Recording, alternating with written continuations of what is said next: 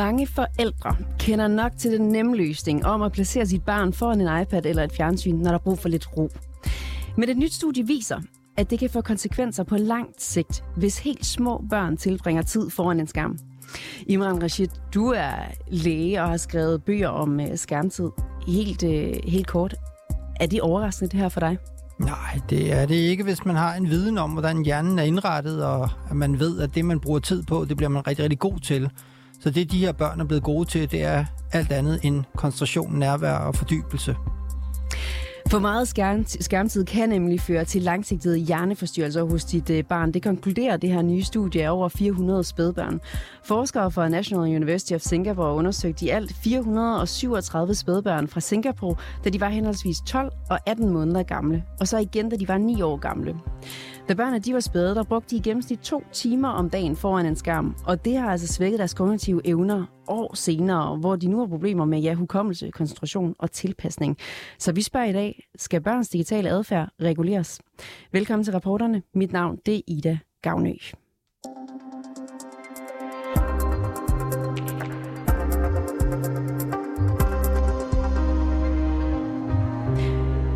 Danske børn er blandt de børn i Europa, der bruger mest tid foran skærmen. Ifølge øh, Børne- og under, Undervisningsministeriet, så bruger en gennemsnitlig teenager over 6 timer om dagen foran en skærm, mens en 3-6-årig bruger omkring 2 timer. Imran Rashid, du er speciallæge, du er sundhedsfaglig direktør i, øh, i Linus, og så er, du også, øh, så er du også beskæftiget en del med skærmtid og skrevet bøger om det. Velkommen her i studiet. Tak for det to timer skærmtid om dagen til børn mellem 3 og 6 år, og over 6 timer for teenager. Hvor skadeligt er det? Jamen, øh, hvis man skal tage de her resultater, som øh, man har fundet frem til i Singapore, eller i hvert fald de her korrelationer, sammenhænge, om man vil, hvis man skal tage det for pålydende, jamen, så er det da i den grad problematisk, fordi øh, det understøtter i hvert fald mange af de hypoteser, jeg har arbejdet øh, ud fra i de sidste mange år, nemlig det her med, at hvis du har en ensidig form for stimulation af hjernen, så vil hjernen blive rigtig, rigtig god til at øh, forme sig efter den her stimulation. Ikke? Altså, øh, det ved vi jo fra alle mulige andre former for øh, ydrestyret stimulation, at det, man gør meget, det bliver det bedre til. Der er ikke sådan, hjernen skældner jo ikke mellem, om det her det, det er kedeligt, eller om det er øh, svært, om det er vigtigt, om det er sundt for mig. Det er jo først noget, der kommer, når man bliver ældre, at man begynder at kunne lave konsekvensberegninger. Her med børn er det jo fuldstændig at øh, hvis de oplever noget, der er nemt, har et højt følelsesmæssigt udbytte, ingen krav til mig, jamen så bliver det bare siddende, og så kommer øh, det her digitale running sushi-bånd, det kommer rullende med alt det, der føles godt. Hvor går grænsen? Fordi for mange forældre, de kender jo nok til det her med, at barnet kan være ret umuligt, og at man, for at kunne få lidt ro, så kan man lige hive iPad'en frem.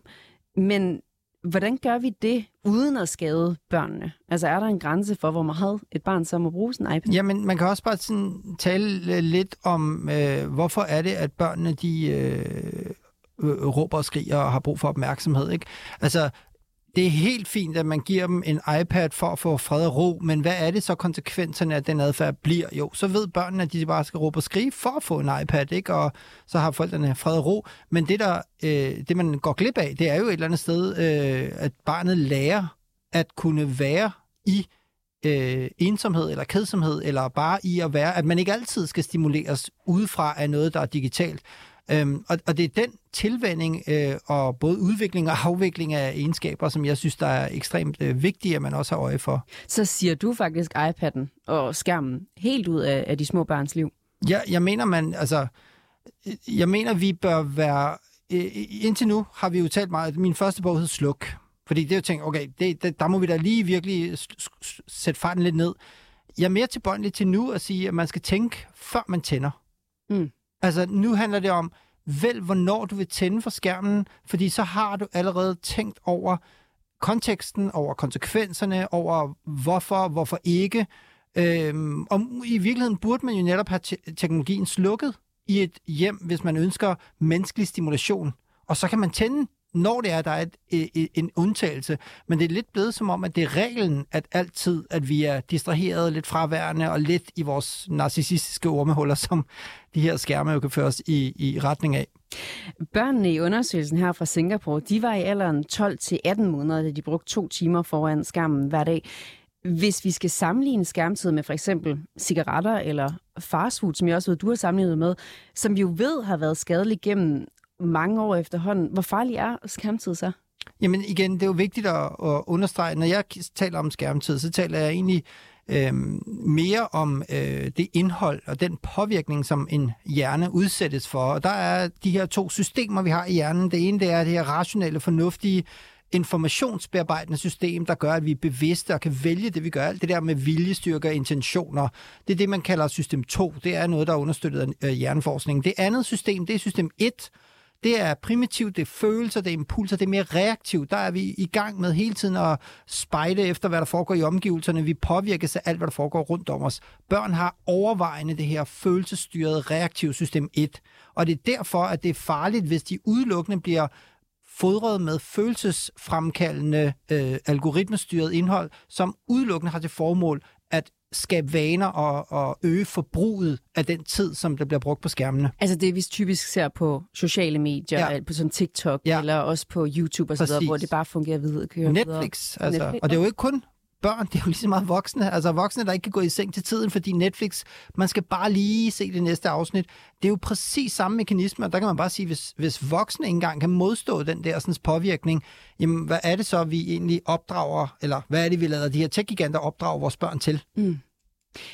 Er det langt ud at sammenligne det med, med fastfood og med, med cigaretter? Nej, det altså mener jeg ikke. Nej, det mener jeg ikke, øh, fordi igen, det handler om følelsesmæssig stimulation af øh, mennesker, som skaber vaner, der kan, på sigt kan være usunde. Og jo, det kan være usundt, hvis du ikke kan koncentrere dig, hvis du ikke kan, kan huske, hvis ikke du kan knytte dig til andre mennesker øh, for et menneske. Så, så på en eller anden måde kan man sige, nu synes jeg, at det her minder mere og mere om det, jeg vil kalde den rygende pistol, i forhold til, at vi bør anlægge et ekstremt forsigtighedsprincip, fordi altså, vil man, vil man, vil man proppe sit barn med øh, for eksempel mad, øh, der indeholdt nogle stoffer, som man egentlig ikke helt vidste om var usunde eller ej, eller vil man hellere prøve at gå efter at give sit barn noget, der ikke indeholdt nogle potentielt skadevirkende øh, algoritmer, øh, som i det her tilfælde jo var den åndelige føde, vi taler om. Mm. Sidste år der anbefalede de norske sundhedsmyndigheder, at børn under to år holdes helt væk fra skærmen, mens børn op til fem år bør have maksimalt en times skærmtid om dagen. Rådene de er baseret på Verdenssundhedsorganisationen WHO's anbefalinger, som udkom i 2019 og 2020.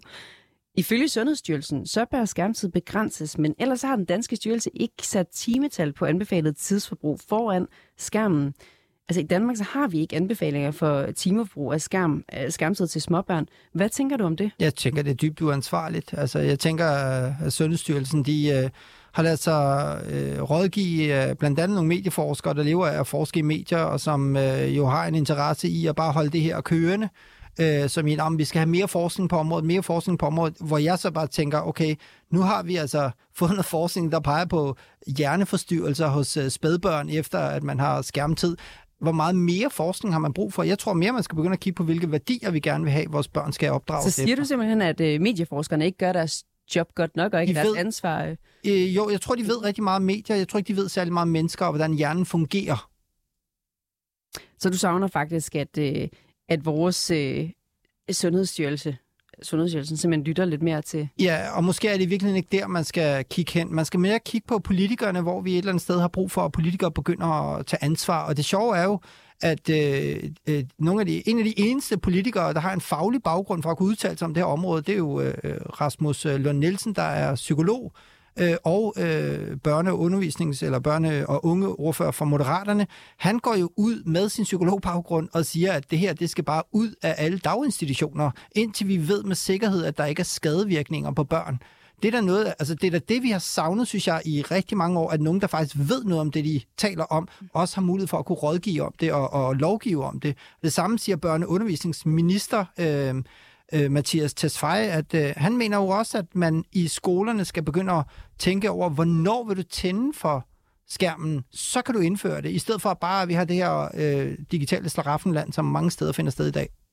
Dine argumenter giver jo rigtig god mening. Hvorfor tror du ikke, at man allerede er ude i at, at bruge det her forsigtighedsprincip, når det kommer til skærmtid? Ja, vi har været for naive i for lang tid og har været ekstremt udsat for en form for digital øh, lobbyisme, fuldstændig som tobaksindustrien for 20 år siden, der jo også havde tobak alle steder, øh, indtil man ligesom opdagede, okay, der er vi simpelthen nødt til at backtracke og, og, og træde nogle skridt tilbage, lovgive, regulere. Og selv når vi har gjort alle de ting, så har vi stadigvæk kæmpe udfordringer med unge, der ryger nærmest som aldrig før. Men det, der bare er problemet her, det er, at det er usynlige skadesvirkninger. Altså, du får huller i hukommelsen, du får huller i nærværet, du får huller i din evne til at... Jeg huller i selvværdet også, ikke? Det er jo der, jeg mener, en stor del af den mentale ungdoms... Øh, øh, øh, krise, om man vil, altså med mistrivsel, at det er der, man skal kigge hen. Hvis vi lige vender tilbage til studiet fra Singapore, som jo er grunden til, at vi, vi tager det op i dag. Vi har talt med Albert Gede, som er hjerneforsker og professor på Københavns Universitet.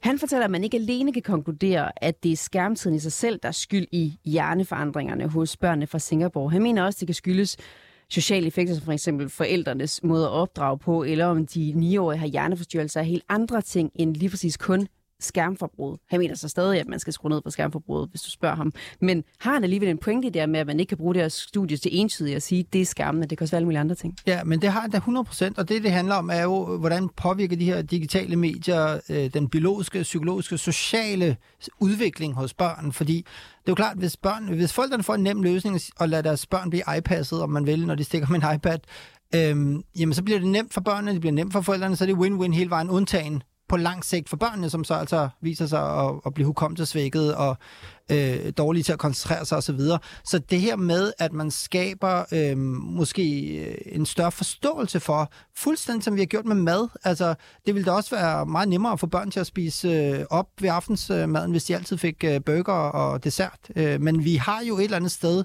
lært, at man skal tænke over, øh, hvordan man øh, serverer mad til børn, for eksempel. At der er noget med madpyramiden, ikke? der er noget, der er bedre end noget andet, og så videre. Og vi har jo også haft de her slogans, men du bliver, hvad du spiser. Der mener jeg jo, at vi skal til at arbejde præcis på samme måde, at du bliver, hvad du klikker på. Mm. Altså, din åndelige føde er mindst lige så vigtig som din fysiske føde, bortset fra, at øh, øh, du kan jo tabe dig, øh, hvis du eksempelvis bliver overvægtig, men hvordan vil du genvinde din koncentration, hvis den er svigtet og, og, og ikke findes, øh, fordi at du øh, øh har, har, har fået huller i øh, nærværet og fokusevnen fra du var baby? Så jeg hører dig helt sikkert sige, at der er et øh, behov for, at børns øh, digitale adfærd den bliver reguleret med, med lovgivning. Ja, mere et fokus på, at øh, vi kigger på øh, måske barnets første 1000 dage. Hvad er vigtigst for, at et barn udvikler sig i hensigtsmæssig retning?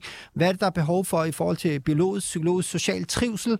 Og så kigger vi på, det er forudsætningerne, vi har brug for. Hvad står i vejen for det? Og så er det det, man skal tage udgangspunkt i, i stedet for at sige, jamen, så længe vi ikke ved, at øh, skærmene er skadelige, så lader vi dem bare glide ind alle steder. Altså igen, man skal bare kigge ud i samfundet én gang på, hvordan mennesker agerer, øh, og, og i virkeligheden bare mærke på sin egen adfærd. Hvis jeg som voksen har det så svært med at styre min adfærd, og måske også sidder og kigger på min skærm, når jeg kører bil, eller når jeg sidder i, i, i, i, på toilettet hver eneste øjeblik, jeg får en chance for det, hvordan pokker for, påvirker det så ikke børnene? Imran Rashid, som altså er speciallæge, sundhedsfaglig direktør i Linus, og så har du altså også beskæftiget dig en del med skærmtid og skrevet bøger om det. Tusind tak, fordi du kunne komme i studiet. Tak for mig.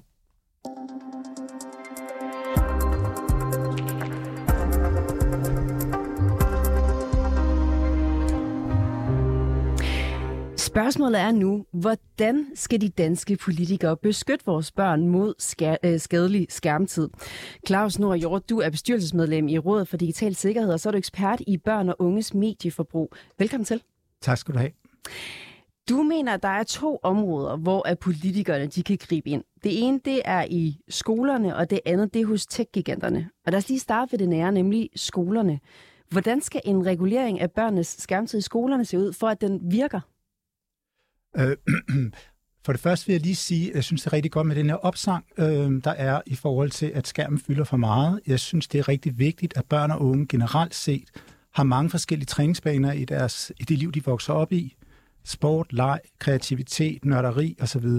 Det skal ikke kun være skærm. Bare lige for at sige, det er, mm. det er ligesom udgangspunkt for alt, hvad jeg står og siger i dag. Ja, og hvis vi så kigger på skolerne, hvis man skal regulere skærmtiden hos børnene der, hvad synes du så, der skal gøres for, at det har en effekt? Altså, i mit hoved, så skal vi kigge to, på to spor. Det ene spor, det er reguleringssporet, og det andet spor, det er dannelsessporet.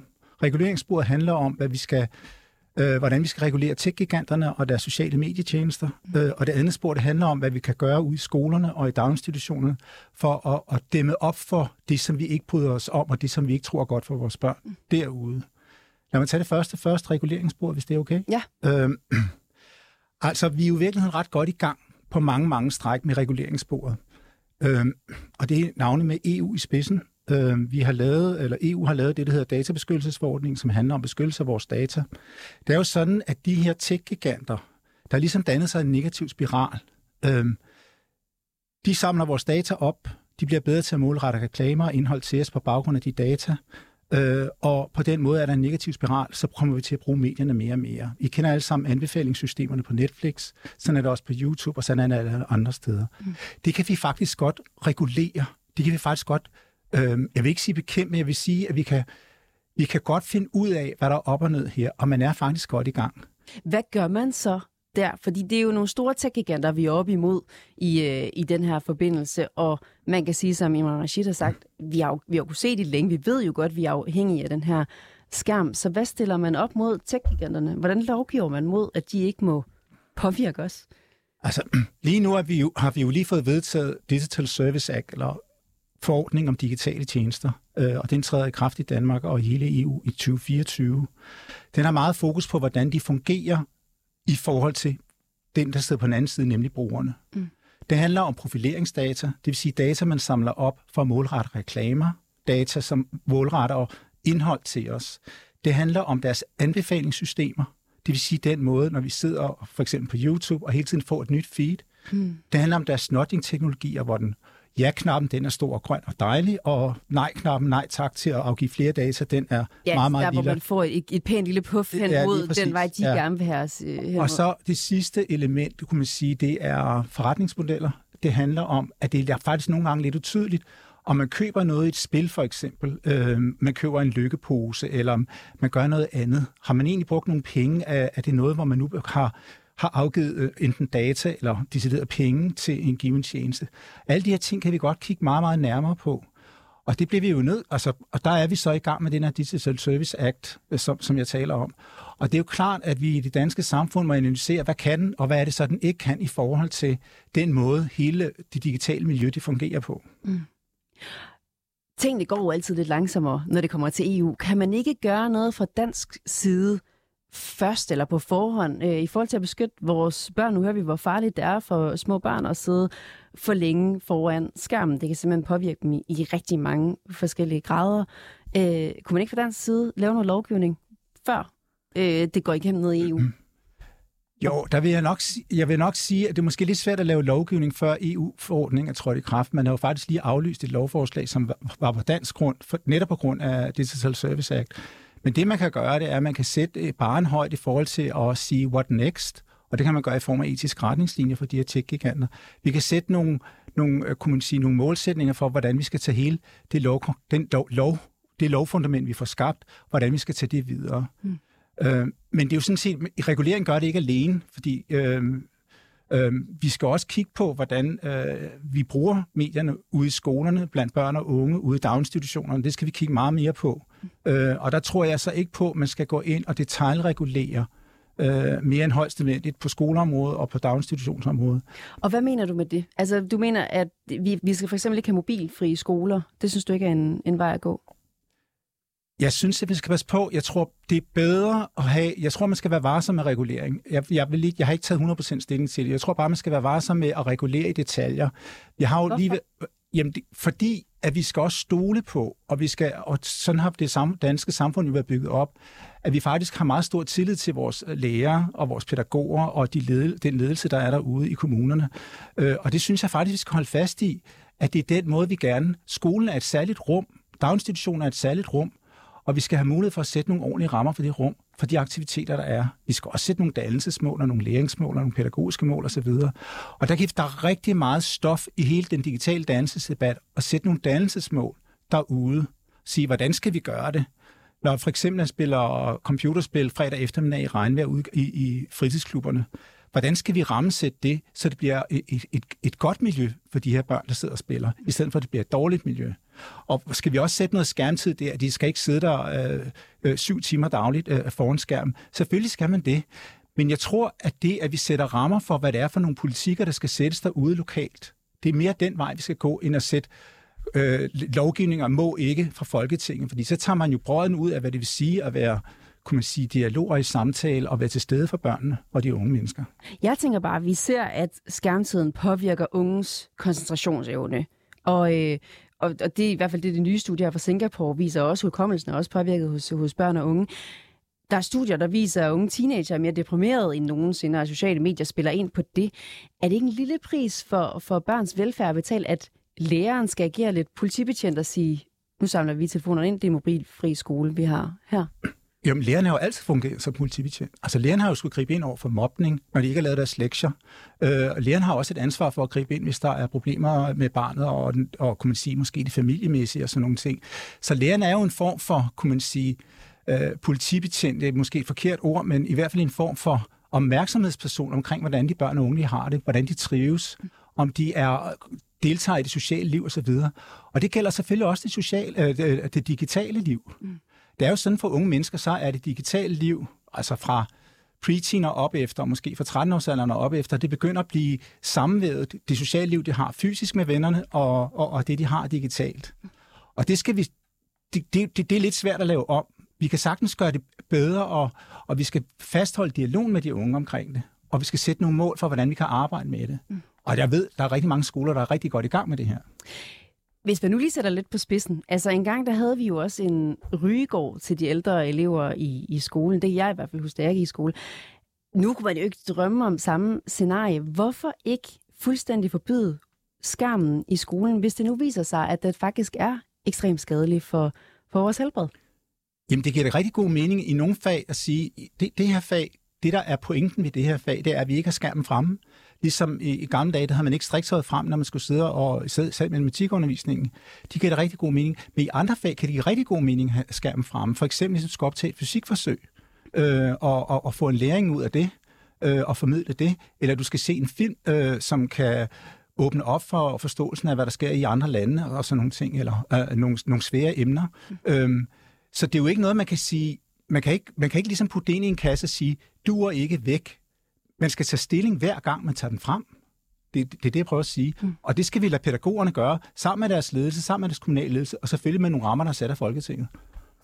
Claus Nord Hjort, som altså er bestyrelsesmedlem i Rådet for Digital Sikkerhed og ekspert i børn og unges medieforbrug. Tusind tak, fordi du kunne komme i studiet.